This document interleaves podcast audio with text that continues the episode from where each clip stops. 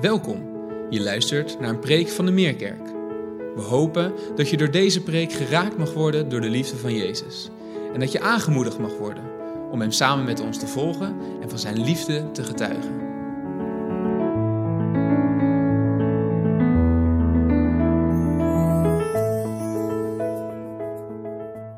Goedemorgen.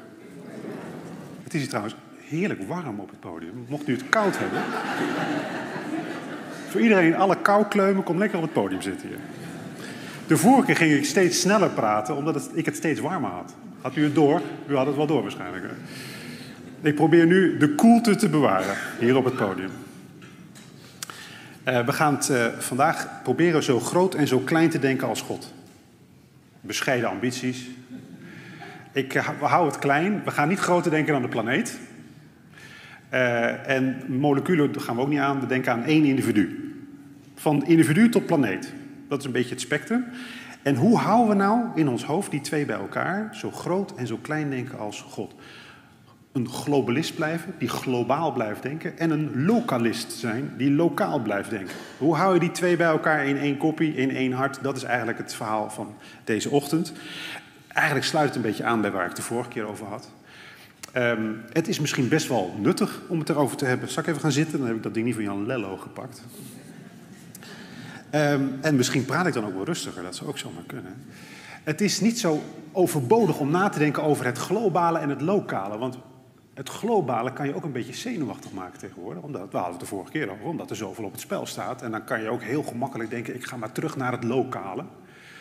En dat lokale is belangrijk, want elk individu telt. Zelfs onze haren op onze hoofd, kun je nagaan. Alles telt. Maar dat globale is ook belangrijk. Dus ik ga nu toch een klein pleidooi voeren voor het globale, maar ik ga het lokale niet vergeten. Eerst pakken we even wat Bijbelversen om even te kijken hoe dat zit met dat globale, dat God gewoon niet kleiner denkt. Daarna gaan we naar het lokale en daarna vier tips om het een beetje vol te houden. En de zaak bij elkaar te houden. En ook te profiteren van het feit dat jij maar één enkeling bent en niet acht miljard tegelijk. Heerlijk. Je mag ook lekker profiteren van het feit dat je gewoon maar één mens bent. Dat is één van de tips. Die hebt u alvast. Um, het is, globaal denken is, is, dat is één ding. Maar gemeenschapsdenken is nog weer iets anders, wat best een uitdaging is. Uh, wij zijn zo verschrikkelijk individualistisch in het Westen. Dat hou je gewoon niet voor mogelijk. Hoe meer je gaat. Ik, ik moest voor World Vision nog wel eens reizen. Dan ga je pas beseffen hoe individualistisch wij zijn. Dat sommige volkeren, gewoon hele volkeren, misschien wel de meerderheid van de volkeren op aarde, in belangrijke mate beginnen vanuit de gemeenschap en dan terugdenken naar het individu. Wie ben jij? Ik ben de zoon of dochter van. Zo gaat het vaak. Dan begin je met ik ben die en uh, ik heb uh, heel lang navel zitten staren en nu ben ik tot de volgende definitie van mijn authenticiteit gekomen. Dat zeggen wij in het Westen. Maar in andere volken is het gewoon waar woon je? Waarbij, bij welke organisatie werk je? In welk dorp? Waar zit je? Uh, wie, wie, zijn je ouders? Wie zijn je grootouders? Ja, let op, je neven en je nichten worden dan ook even bijgehaald. Maar ze, ze plaatsen jou onmiddellijk in een gemeenschap. En wij zijn heel erg op het individu. Nou, als je bij elkaar, bij elkaar optelt, dan heb je de hele waarheid. Ja? Want wij zijn niet alleen maar onderdeel van een gemeenschap, wij zijn ook een individu. En dat is natuurlijk eigenlijk het geschenk wat wij in het Westen weer aan de wereld terug kunnen geven. Dat we hebben ontdekt dat we allemaal authentiek kunnen zijn, onszelf kunnen zijn, uniek kunnen zijn.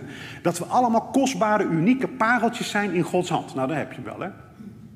Dat is wat wij kunnen geven aan de wereld. Het prachtige geschenk van individu zijn, jezelf zijn. Iets van jezelf mogen geven aan deze wereld.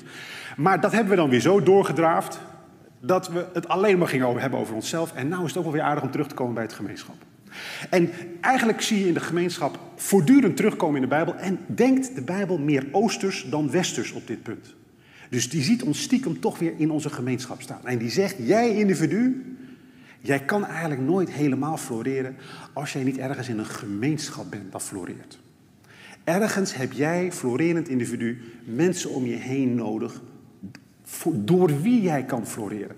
Dus God ziet individuen nooit los van een gemeenschap en kan dat ook niet. Een, individu, als je een individu wil laten floreren, dan moet God eigenlijk zorgen dat die omgeving van jou ook floreert. Floreert die omgeving niet, dan is er geen redden aan, dan is het dweilen met de kraan open. Dan blijf je voortdurend als individu worstelen tegen de gebrokenheid van je gezin, van je gezin of van je wijk waarin je woont, waar veel criminaliteit is, blijft moeilijk. Dus als God ons als individu wil laten floreren, ziet hij ons onmiddellijk in een gemeenschap. Maar dan zijn we nog niet klaar. Want stel nou dat die gemeenschap weer ruzie heeft met een andere gemeenschap. De ene familie heeft ruzie met de andere familie, of de ene land heeft oorlog met een ander volk. Dan is God nog niet klaar. Want hij denkt, ja, oké, ik heb jou in een gemeenschap geplaatst. Maar eigenlijk kan een gemeenschap alleen floreren als de omliggende gemeenschappen ook floreren. Wat hebben we dan? Vrede op aarde. Als God jou wil laten floreren, moet hij meteen op weg naar vrede op aarde. Maar dan is hij nog niet klaar. Want als nou al die gemeenschappen prachtige tijd hebben, heerlijk met verbrandingsmotortjes rondrijden, eh, dan op een gegeven moment komt er iets waarbij de planeet wat gaat piepen en kraken en gaat kreunen en terug gaat bijten. En dan merken we al snel dat al die gemeenschappen van mensen kunnen wel floreren, maar ja, dat is ook maar van beperkte duur als de planeet niet floreert. Dus wil die jou laten floreren, moeten alle bloemetjes en bijtjes ook floreren. Nou, dat is ongeveer het project van God. Het ging om jou en ondertussen moet hij de hele planeet op orde krijgen. Mocht er nog een komeet langskomen, moet hij daar ook iets aan doen. En zo zijn we eigenlijk van, als je maar aan één individu denkt in de Bijbel, ben je eigenlijk meteen al bij het grote plan van God. Om de simpele reden dat jij staat niet op jezelf. Je zit in een gemeenschap. Die gemeenschappen verhouden zich tot andere gemeenschappen. En die verhouden zich weer tot alle dieren op aarde. Nou, moet hij alles aanpakken? Nou, daar heb je hem. Ga er maar aan staan. En daar gaan we dus nu eens even naar kijken. En zo ziet, zo ziet God eigenlijk alles bij elkaar. En als we dat dus nu bekijken, dan, dan zie je ook dat dat gewoon terugkomt in de Bijbel. En wat moet dan Genesis, wat gebeurt er in Genesis 1? Wat moeten Adam en Eva gaan doen? Die moeten meteen dan ook maar meteen bij de, voor de hele schepping op de bres gaan staan. Je hoort het al, moet je voorstellen, je bestaat een minuut. Genesis 1, vers geschapen. En meteen stand te peden moet jij een globalist worden. Je hebt net, net, mocht je even wennen aan het verblijf op aarde. En wat krijg je te horen in Genesis 1 van de Allerhoogste? Zou je misschien even voor de rest van de planeet ook even kunnen zorgen? Kunnen zorgen dat alles wat leeft floreert omdat jij bestaat. Dat jij op de bres mag staan voor al wat leeft. Dat je daar een prachtige rentmeesterrol in mag vervullen. Dat, jij, dat de hele schepping als het ware een zucht van verlichting slaakt. Dat mocht het misgaan, dan hebben we ook nog wat mensen. Dat is eigenlijk de gedachte van Genesis 1. Mocht het misgaan, mocht er toch een slang langskomen. Ah, dan hebben we altijd nog mensen. En die mensen die zorgen dat het leven leefbaar blijft op aarde. Maar heb je hem? Dat gaat meteen gewoon van twee individuutjes naar de hele planeet. Het is gewoon groot denken bij God. Waarom? Omdat God die hele planeet gemaakt heeft. En guess what? Hij is er enthousiast over geworden. Hij noemde het zeer goed. Hij is enthousiast over die planeet. En wat hij nou hoopt is dat er een paar mensen daar verschijnen in Genesis 1 die datzelfde enthousiasme van hem delen. En die zeggen, ja, dat willen wij natuurlijk ook, want we, lijken op u. En wij zijn gaan kijken en we zien wat een, onvoor, wat een onvoorstelbare schoonheid u in die schepping hebt gelegd.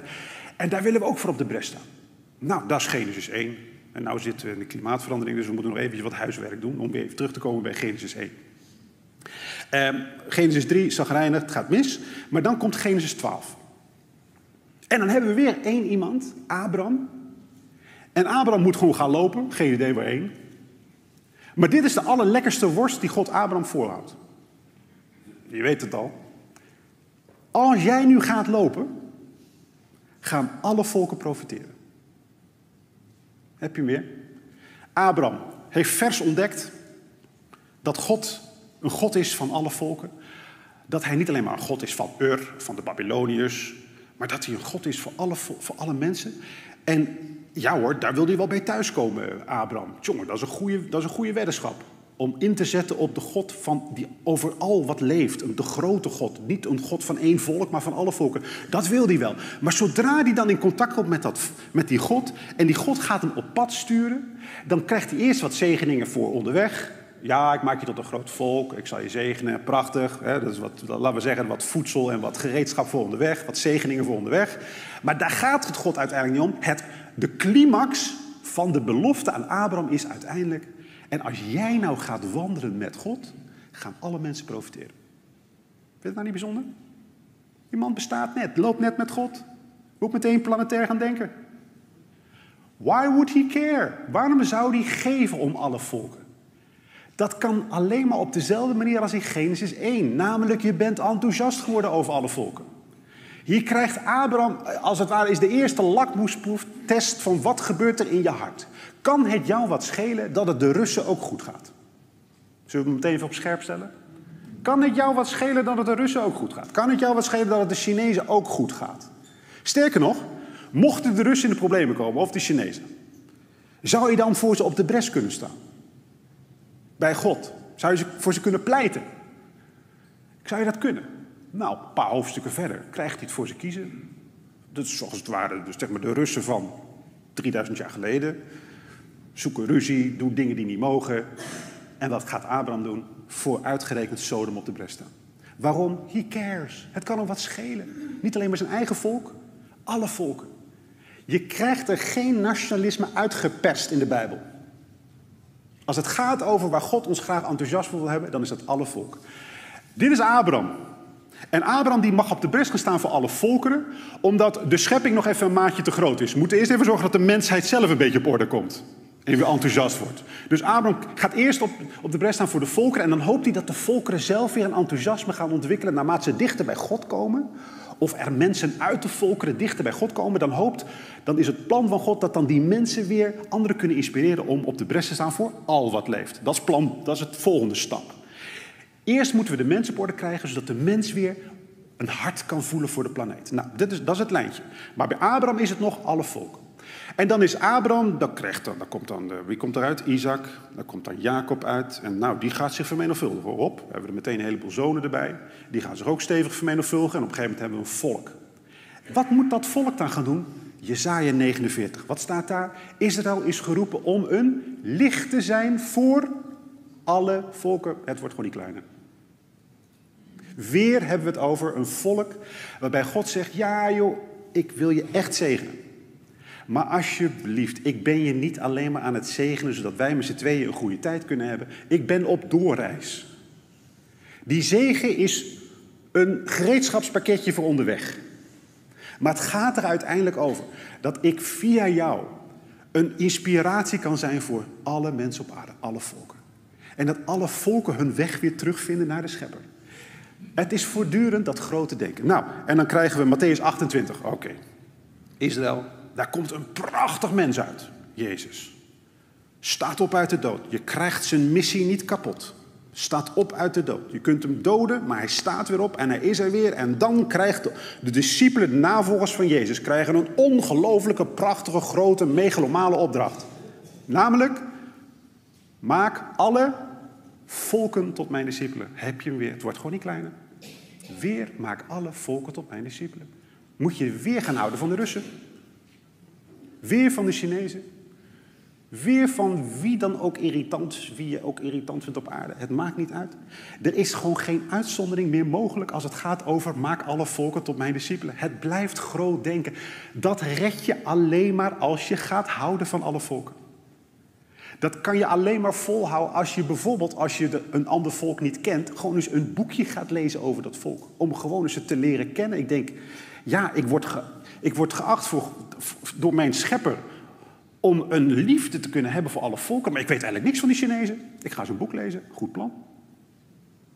Juist wat, wat je niet kent, daar kan je ook makkelijker gaan, kan gaan storen. Maar misschien zie je ook wel een hoop schoonheid als je gaat verdiepen in andere volkeren. Wij worden voortdurend opgeroepen, ook in het Nieuwe Testament. Matthäus 28. Om ergens die liefde te proeven voor alle volkeren. Maar dan zijn we nog niet klaar. Want dan hebben we Marcus 16. En Marcus 16 die maakt het helemaal bond. Wat staat daar in Marcus 16? Discipelen worden daar geroepen om het evangelie te verkondigen aan wie? De hele schepping. Die bloemetjes en die bijtjes. Nou hebben we toch wel eventjes. Hoe krijgen we dat nou voor elkaar? We dachten dat het één groot verhaal was wat we altijd moesten vertellen. Hoe wil je een heel verhaal gaan houden aan de vogels? Ja, dat kan Franciscus. De heilige Franciscus die zit de hele, hele preken te houden tegen de vogels. Maar wij denken voortdurend bij een evangelie aan woorden. Maar het aardige is in Marcus 16 dat je het evangelie ook kan verkondigen in daden. En dan kan de hele schepping ineens gaan proeven dat jij houdt van al wat leeft. Nog zo'n mooie uitdaging. De hele schepping. Niet alleen maar de plaatselijke beestjes bij jou in de buurt. De hele schepping, het wordt gewoon niet groter, niet kleiner.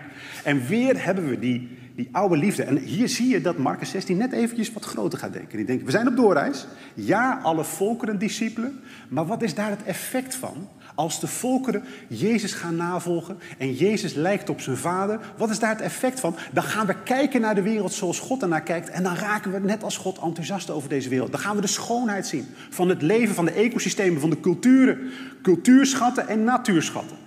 Daar worden we enthousiast over. En dan kan het zijn dat als wij eenmaal op de reef raken in ons enthousiasme voor al wat leeft, wat God gemaakt heeft, wat zeer goed is, dat de schepping als het ware dat evangelie gaat proeven. Die merkt dan dat er mensen zijn die van ze houden. En als je daar ultieme vers voor wil hebben, dan moet je natuurlijk naar Romeinen 8. Want wat staat daar? In Romeinen 8 staat dat de hele schepping snakt ernaar om te zien wie Gods kinderen zijn. Sorry, het is een te hardnekkig verhaal om hier even naar beneden af te ronden. Uiteindelijk wil God, ziet God in al die mensen die op hem gaan lijken. Al die kinderen van God, die broers en zussen van Jezus, die net op, als Jezus op hun vader gaan lijken.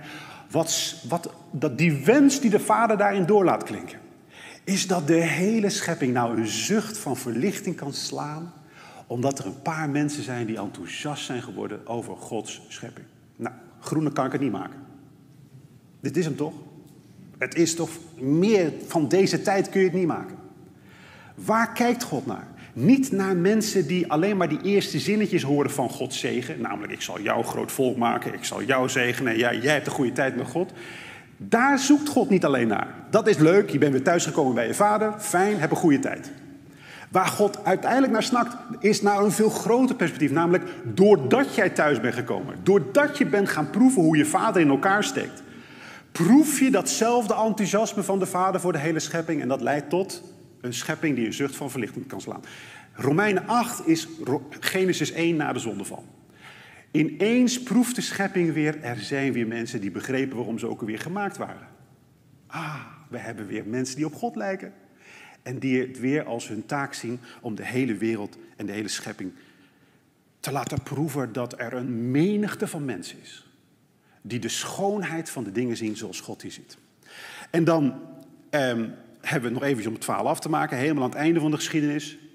Dan is Jezaja 25, heb ik ook wel eens vaker genoemd, hè, want ja, dat zijn van die prachtige eindvisioenversen en dat is Jezaja 25. En wat doet God helemaal aan het einde van de geschiedenis? Dan richt hij een feestmaal aan voor alle volken. En openbaring 21, dan brengen alle volken hun schatten naar het Nieuwe Jeruzalem. En dan komen als het ware alle cultuurschatten, alles wat wij als volker hebben aan mogen leveren in de geschiedenis, dat komt dan binnen in dat nieuwe Jeruzalem. En het ultieme beeld wat we dan krijgen is, er is niets verloren gegaan. Er is niets verloren gegaan. Alle prachten en schatten, alles wat de eeuwigheid waardig is, aan schoonheid, aan inspiratie, aan wijsheid, wat wij mensen hebben voortgebracht, het mag meekomen in dat toekomstvisioen van God in dat nieuwe Jeruzalem. Mooi is dat. Er gaat niks verloren. Natuur, cultuur, wat eeuwigheidswaarde heeft, blijft. Kan het vuur doorstaan. Is goud wat alleen maar gelouterd wordt als je er een hoop vuur op duwt. En dat is dat, dat, dat koppige perspectief wat we in de Bijbel tegenkomen. Het gaat ja ook om jou, maar als ik denk aan jou, dan denk ik aan de gemeenschap waarin je bent. Dan hoop ik dat die gemeenschap floreert. Dan denk ik aan alle gemeenschappen, dan denk ik aan de hele schepping. Dit is eventjes voor in de zomer om even lekker groot te denken. Is lekker? Mooi? Is toch prachtig? En dan ook eventjes bedenken dat als je helemaal enthousiast wordt over die vader, dan weet je ook, maar dan komt het goed met deze wereld. Als, als God voor deze schepping is, wie is tegen ons? Als God voor deze schepping is, wie is er tegen? Dan krijg je een onverwoestbaar, ja, zullen we het optimisme noemen? Niet optimisme in de goedkope zin, dat we gewoon lekker met z'n allen de armen over elkaar kunnen doen. Nee, het is wel hard werken optimisme. We moeten ook wel echt ons dingetje doen om te zorgen dat de planeet op orde is. Maar tegelijkertijd, het glipt hem niet door de vinger, want hij is te enthousiast over die schepping. En wij mogen delen in het enthousiasme en in de bewogenheid van God om mee te gaan doen daarmee. Nou, dit is groot denken. Dit is het grote denken van God en nu moeten we het even klein maken. Want ja, je kunt niet alleen maar bezig zijn met alle beestjes op aarde, dat zijn er nogal wat. Zullen we het even klein maken? Nu gaan we even naar Leviticus 25. Elk vijftigste jaar zal voor jullie een heilig jaar zijn, waarin kwijtschelding wordt afgekondigd voor alle inwoners van het land. Dit is het jubeljaar waarin ieder naar zijn eigen grond en zijn eigen familie kan terugkeren. En een van de meest bijzondere maatregelen die je in het Oude Testament tegenkomt. Nu denkt God ineens heel klein. Wat wil dat zeggen? Dat je elk 50 jaar weer terug mag keren naar je eigen grond en naar je eigen familie? God ziet jou staan. En als God iets niet wil, dan is dat mensen die verweest en thuisloos of dakloos door het leven gaan. Als God iets zoekt, dan is het dat mensen ook een thuis vinden op aarde, gewoon lokaal. Ik weet niet of we dit zonder meer even nu kunnen toepassen, dat iedereen na 50 jaar weer terug gaat naar zijn eigen land. Ik denk dat de, een aantal juristen erg zenuwachtig gaan worden. Je dacht dat het van de familie de Graaf was, maar het is eigenlijk van de familie de Vries. De familie de Graaf, ja sorry, je noemt even ergens anders heen, want het hoort bij de familie de Vries. De kadastermensen gaan ook heel zenuwachtig worden. Uh, moeilijk vol te houden, maar hou dit vast. Leviticus 25. Elk vijftigste jaar mag iedereen terug naar zijn eigen grond en zijn eigen familie. Wat kunnen we daar na 3000 jaar aan vast aan overhouden? Niemand hoort verweest en ontheemd door het leven te gaan. Niemand. God verlangt ernaar dat we allemaal ergens thuiskomen. Dat we thuiskomen bij onze eigen familie.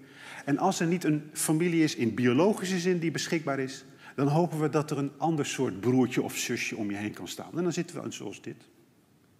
En dan hebben we nog steeds broers en zussen. De kracht van het noemen van broers en zussen in de gemeente van Christus is dat niemand verweest door het leven hoeft te gaan. De kracht van het huis van God is dat niemand ontheemd hoeft te zijn. De kracht van deze wereld, waar God zijn zegen aan gegeven heeft, is dat je zelfs in deze wereld niet thuisloos hoeft te voelen als je weet waar je vader is. Dit zijn hele diepe dingen als het gaat over hoe God naar ons kijkt. Hij wil niet dat we ons verweest voelen. Dat er een vader in de hemel is die voor ons zorgt, maar ook dat er broers en zussen om ons heen staan. Heel belangrijk voor het welzijn van de mens. Je bent niet alleen. Niet in de hemel is er iemand die niet voor je zorgt. Daar is er iemand die voor je zorgt. En op aarde horen de mensen te zijn die voor je zorgt. Een familie en een stukje grond. Nou ja, dan denk ik aan vreselijke migratiestroom op de, op de aarde die op dit moment gebeuren. Mensen die nergens thuis kunnen komen. De Rohingya's, er was van gehoord. Afschuwelijk. Een volk wat gewoon niet thuis mag komen. Wat niet thuis mag komen. En op de vlucht is. En waar ze ook heen gaan, zijn ze tot overlast. Dat hoort bij het verlangen van God. Alle volken thuis laten komen. Mensen thuis laten komen. En dan gaat het over grote volken en het gaat over jou. Jij die ergens thuis mag komen. En dat jij broers en zussen mag vinden als je biologische broers en zussen niet beschikbaar zijn. Dat je een vader in de hemel mag vinden als je vader en moeder op aarde niet beschikbaar zijn. Maar dat je niet verweest bent. Daar ziet God jou. Het grote en het kleine. En dan ziet hij jou en hij ziet je als een zoon of dochter, neemt hij je aan. En als je het niet zelf kan zeggen, dan geeft hij je de geest met wie je kan zeggen dat je een kind van God bent. Romeinen 8. En dan mag je papa zeggen tegen God. En dan zegt hij, nou ben je thuisgekomen. Nou heb je weer een plek waar je kan zijn. En nou gaan we op stap. En als jij nou met mij gaat wolken, gaan wandelen, zullen alle volken er een keer van profiteren. En dan word jij ineens in je hele kleine enkelheidje deel van een supergroot plan. En zo kan iemand die papa zegt ineens deel uitmaken van een planetair visioen. En dat is het kleine en het grote wat God bij elkaar wil houden. Jij die thuis komt.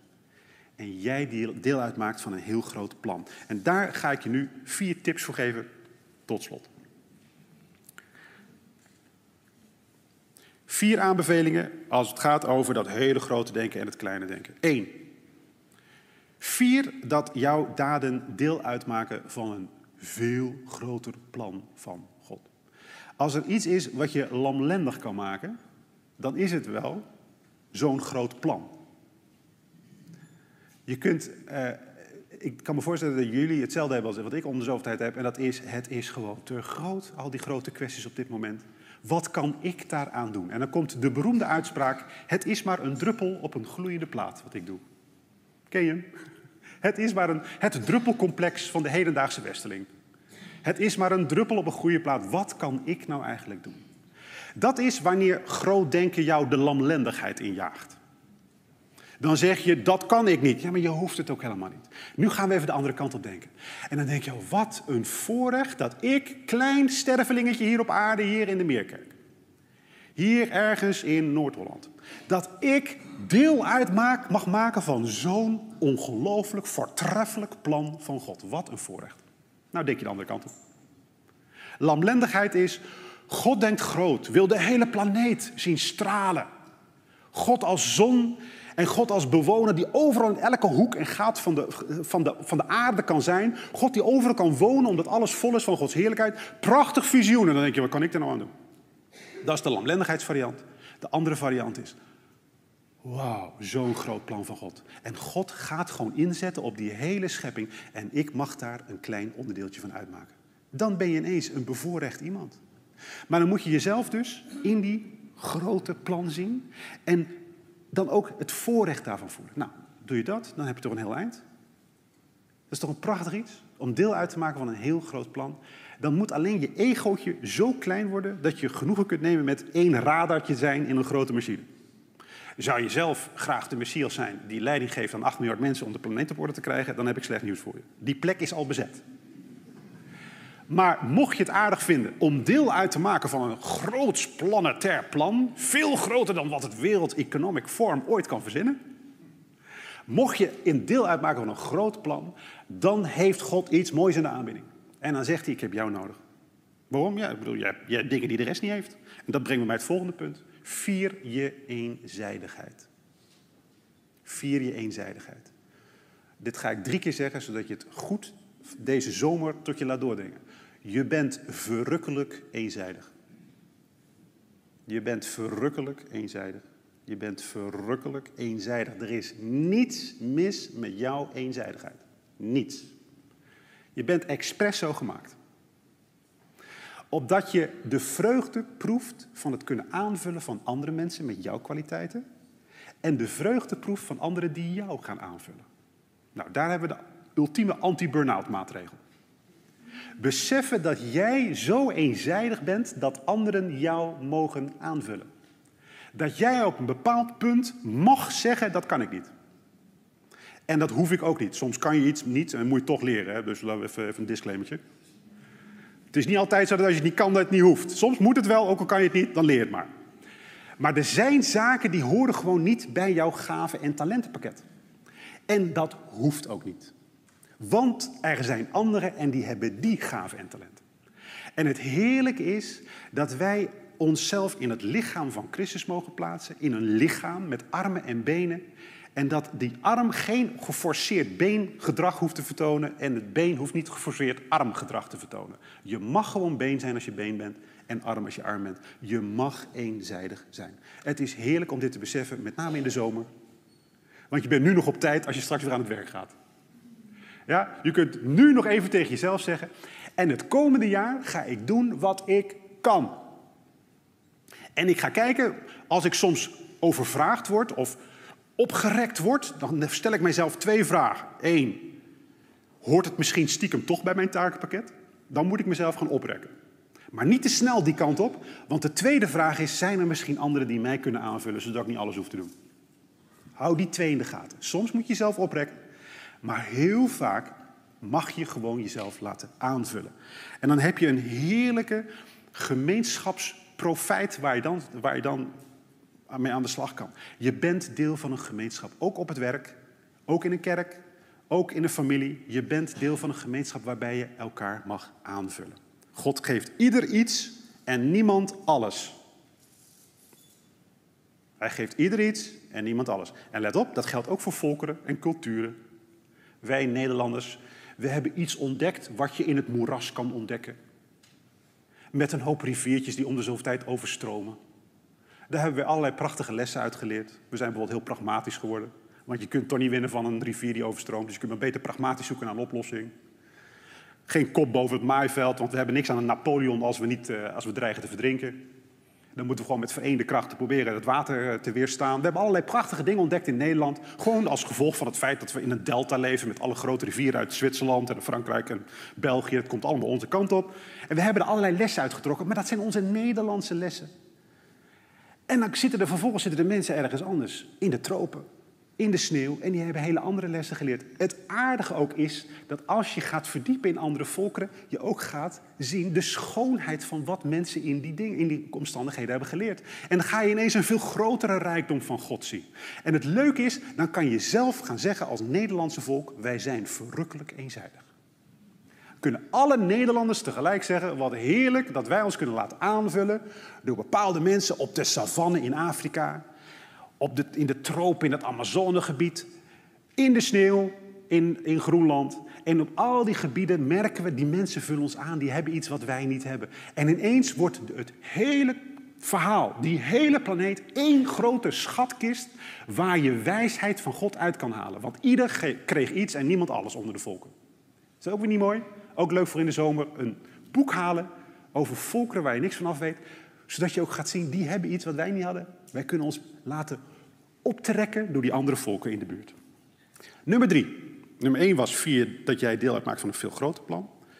Van Gods veel grotere plan. Twee, vier je eenzijdigheid als arm of been in het lichaam van Christus. Drie, vier de leiders en profeten om je heen. Dit is niet een verhaal à la onderwerp je aan de plaatselijke kerkleiders. Aardige jongens. Maar daar gaat het nu niet over. Het gaat niet over dat, je nu, dat het nu gaat over institutionele leiders. Het gaat over heel anders. Dit gaat over iets, dit gaat over iets wat een verrassing kan zijn elk moment van de dag. Weet je wat het mooie is van het leiderschap zoals Jezus naar keek? Hij keek ernaar, naar leiderschap als mensen die navolgenswaardig gedrag vertonen. Mensen die ineens, ineens merken, hé, hey, wat die persoon doet, dat inspireert mij. Dat is iets wat ik ook zou willen. Dat is iets waar ik me kan optrekken. Het mooie is dat je omringd wordt door prachtige mensen en die kunnen ineens jou ineens verrassen met mooi gedrag. En de vraag is nu van deze ochtend, heb je je zintuigen open? Zie je ze staan? Zie je mooie mensen om je heen die leider kunnen zijn, die jou ineens kunnen voortgaan? Voornemen, voortouw nemen in prachtige, uh, prachtige daden, prachtige woorden. Misschien zeggen ze niks, misschien doen ze niks, maar misschien hebben ze een mooie mentaliteit. Dat je denkt, nou, zoals die in het leven staan, prachtig. En dan heb je ook profeten. En profeten die kunnen ineens iets zeggen en dat je denkt, wow, dit is zo waar. En dan denk je ineens, wauw, dit is zo verschrikkelijk waar wat die persoon zegt. En dan ben je ineens, heb je het gevoel, hey, ik heb hier iemand tegengekomen, die heeft iets tegen mij gezegd. En dat moest ik vandaag horen. Ken je dat? Dat moment dat je ineens denkt, dat moest ik nou net even vandaag horen. Profeet die langskomt. En het leuke is, dat zijn niet zelfverklaarde profeten per se. Mensen die profeet zijn, soort, laten we zeggen, beroepsprofeten. Waar je altijd naar moet luisteren, omdat dat de officiële profeten zijn. Nee, het leuke is, kan iemand in de keuken zijn. Bij jou in de kantine, kantine op het werk. Het kan iemand zijn waarvan je het helemaal niet verwacht. Dat je denkt, normaal, normaal komt er niet heel veel zinnigs uit. Maar dit is toch wel verschrikkelijk waar wat hij zegt. En ineens ben je verrast. Het aardige aan profeten is dat God wel uitmaakt door wie die gaat praten. En als hij door een een of andere ezel kan praten, dan is hij behoorlijk niet kieskeurig. God kan ieder mens inzetten om leider te zijn. Ieder inzetten om profeet te zijn. Hou je zintuigen open, blijf luisteren. Iedereen kan ineens iets zinnigs zeggen. Je loopt altijd het risico dat iemand iets zinnigs zegt. Hou je zintuigen open. Je loopt altijd het gevaar dat je iemand tegenkomt die zo'n mooi gedrag vertoont dat je denkt, ja, ja, ja, daar kan ik alleen maar mijn voordeel mee doen.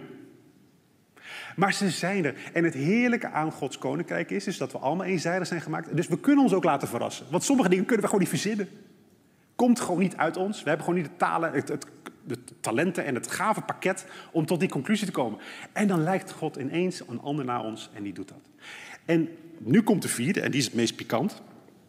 Vier dat christenen niet de enige zijn door wie God heen kan werken. Nou zitten we toch helemaal in het pikante gedeelte.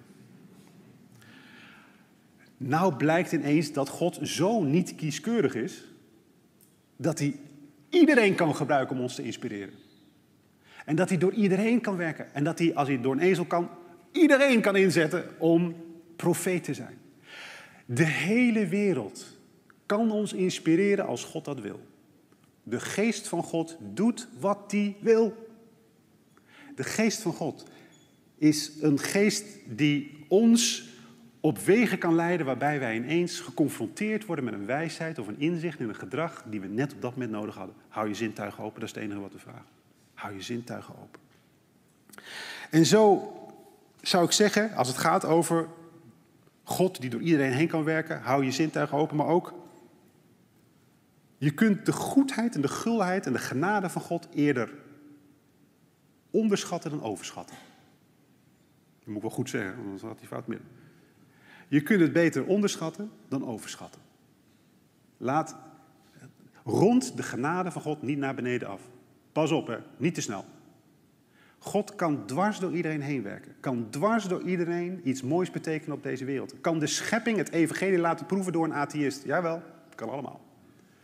God kan werken door wie hij maar wil. Laten we onze zintuigen openhouden. Laten we die generositeit van God niet loslaten. Er zit een verschrikkelijk mooie gulheid in God als het gaat over hoe hij zijn, zijn beelden van God kan inzetten in deze wereld. En in Matthäus 25 hebben we dat prachtige beeld waarbij we ineens een paar mensen hebben voor de koning. En God zegt je, en Jezus zegt je deed dit, en je deed dat, en je dat. Je hebt de zieke genezen, je hebt, degene liep een paar naakt rond, die gaf je kleren. Je hebt de hongerige gevoed. En dan zeggen ze, geen idee, wanneer deden we dat dan voor u? En ze hadden geen idee dat ze het voor de koning deden. Maar Jezus zag het. Ook hier weer de gulheid van God. We hebben geen idee hoe God naar ons kijkt en hoe Hij mensen ziet bezig zijn in het koninkrijk van God. En het kan zijn dat wij er volkomen naast zitten als we denken hoe zinnig of onzinnig iemand bezig is.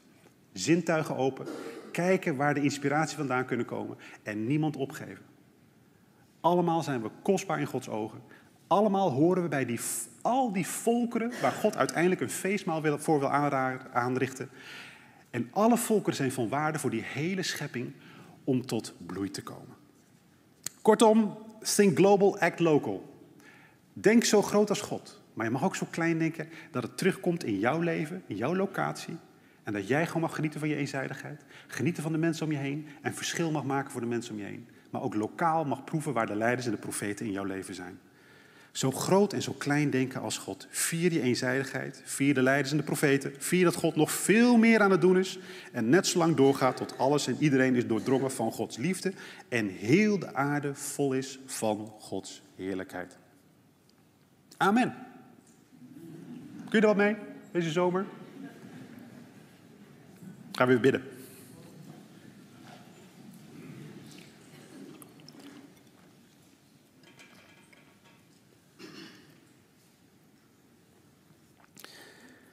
Trouwe God en Vader, wat een, wat een majesteitelijk plan hebt u ons gegeven. En um, het, het, voelt eigenlijk een beetje te groot. Dat is, uh, was wel duidelijk als we kijken naar wat er gebeurt in ons heen en naar deze hele schepping. Het piept en het kraakt. Maar u laat niet los. En u wil gewoon graag dat de hele schepping voelt wie Gods kinderen zijn. En dat alles tot herstel komt, het volle leven proeft. U een feestmaal kunt aanrichten voor alle volkeren. Wij, wij, staan erbij en we kijken naar en wij voelen een enorm voorrecht opkomen dat wij daar deel van uit mogen maken. En we voelen soms ook wel een onrust. Het is groot. Dus we vragen ook dat u ons rust geeft. En dat u ons weer die zekerheid geeft. Dat we papa tegen u kunnen zeggen. Dat we thuis kunnen komen in deze onrustige wereld. Dat we een plek vinden, familieleden, een huis. Waar we tot rust kunnen komen. En van, waar wij, van waaruit wij dan naar de wereld kunnen kijken zoals u ernaar kijkt. Met uw enthousiasme, maar ook met, soms met uw verdriet over wat er niet klopt. Dat we op u mogen gaan lijken en in deze wereld aan de slag mogen gaan. Dank u wel dat u ons allemaal eenzijdig hebt gemaakt. Helpt u ons om lekker op de anderen te leunen, anderen aan te vullen, de vreugde te proeven van mensen om ons heen die ons inspireren.